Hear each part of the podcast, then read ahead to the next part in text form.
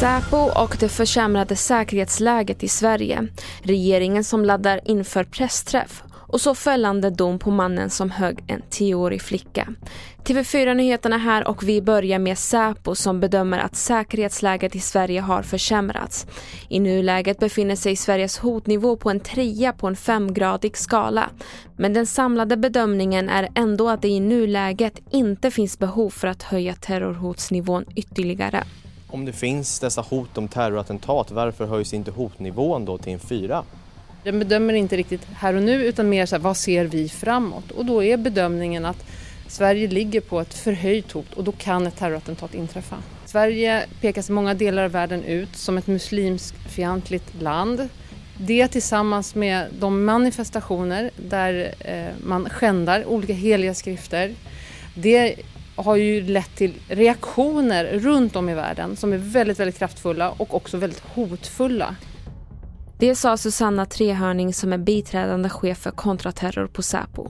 Strax börjar den pressträff som regeringen ska hålla angående den senaste tidens koranaktioner och de ska ge en bild av läget. På pressträffen ska bland annat minister för civilt försvar och kommunikationschef på Myndigheten för psykologiskt försvar delta. Den 36-åriga mannen som i mars knivhögg en 10-årig flicka och hennes mormor i Brunnsparken i centrala Göteborg döms nu till 14 års fängelse för mordförsök och grov misshandel. Det meddelar Göteborgs tingsrätt. Och vi avslutar med Rådås där skogsbränderna fortfarande härjar och inte är under kontroll. Vår reporter Filip Jakobsson är på plats.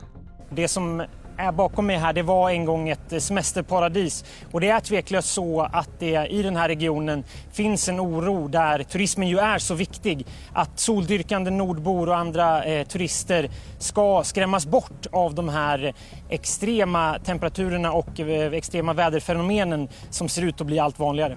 Fler nyheter finns på tv4.se och jag heter Merjam Jamil.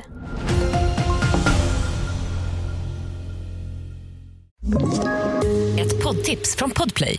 I podden Något Kaiko garanterar östgötarna Brutti och jag, Davva, dig en stor dos skratt. Där följer jag pladask för köttätandet igen. Man är lite som en jävla vampyr. Man har fått lite blodsmak och då måste man ha mer. Udda spaningar, fängslande anekdoter och en och annan arg rant. Jag måste ha mitt kaffe på morgonen för annars är jag ingen trevlig människa. Då är du ingen trevlig människa, punkt. Något Kaiko, hör du på Podplay. Därför arkadeinerna.